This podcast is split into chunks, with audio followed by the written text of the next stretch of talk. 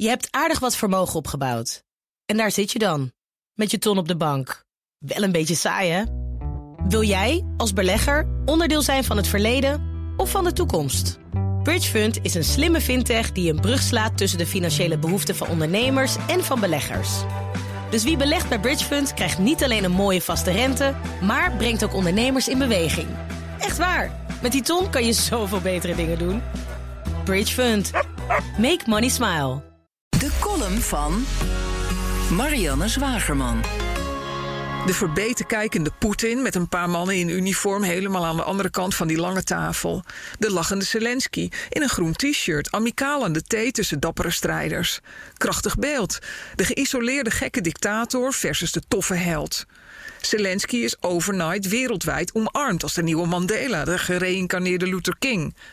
Drie jaar geleden werd hij bespot toen hij zijn presidentiële staf castte als een soapserie. Hij nam bevriende tv-makers mee naar zijn nieuwe politieke baan. Dat zie je terug in de beeldregie. Zelensky is de eerste influencer-president in oorlogstijd, waar Poetin de klok terug lijkt te zetten naar de jaren 50. We weten dat influencers photoshoppen, gesponsord worden en dingen anseneren. En we weten dat de waarheid als eerste sneuvelt in een oorlog. Bij een oorlogspresident die nog niet zo lang geleden acteur was, moet de bullshit-detector extra scherp worden afgesteld. De waarheid is altijd complexer dan een Twitterfilmpje suggereert. Op radio en tv wordt de oorlog overtuigend geduid door dezelfde experts die een week geleden nog allemaal zeker wisten dat er geen oorlog kwam. Mediamagnaat Dirk Sauer bood in het parool zijn excuses aan voor het feit dat hij ondanks alle symptomen, de gemilitariseerde samenleving en het muilkorven van de vrije pers, niet zag dat Poetin uitgroeide tot een grenzeloze tiran. Aanwijzingen waren er volop. Op sociale media wordt nu een nieuwsuur-interview met Jaap de Hoop Scheffer uit 2018 veel gedeeld. De oud-NAVO-baas zegt daarin dat zijn club Poetin in een hoek dreef, waardoor de Rus radicaliseerde. De snelle NAVO-expansie naar de voormalige Sovjetlanden droeg bij aan de agressieve opstelling van Poetin. Wie dat nu zegt, wordt met pek en veren Nederland uitgejaagd. De hoop Scheffer nuanceert in recente interviews zijn uitspraken van toen naar de nu geaccepteerde norm.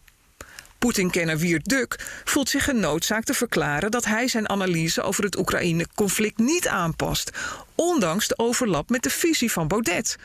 De vraag is hoe lang hij dat vol kan houden. Na de aankondiging door Ursula von der Leyen dat zij de verspreiding van de leugens die Poetins oorlog rechtvaardigen gaat stoppen. De EU ontwikkelt tools om giftige desinformatie te verbieden en wil de doorgifte van Russische staatstv blokkeren.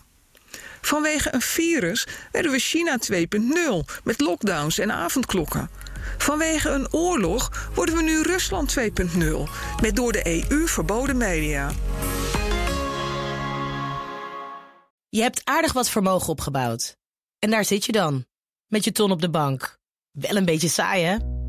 Wil jij, als belegger, onderdeel zijn van het verleden of van de toekomst? Bridgefund is een slimme fintech die een brug slaat tussen de financiële behoeften van ondernemers en van beleggers.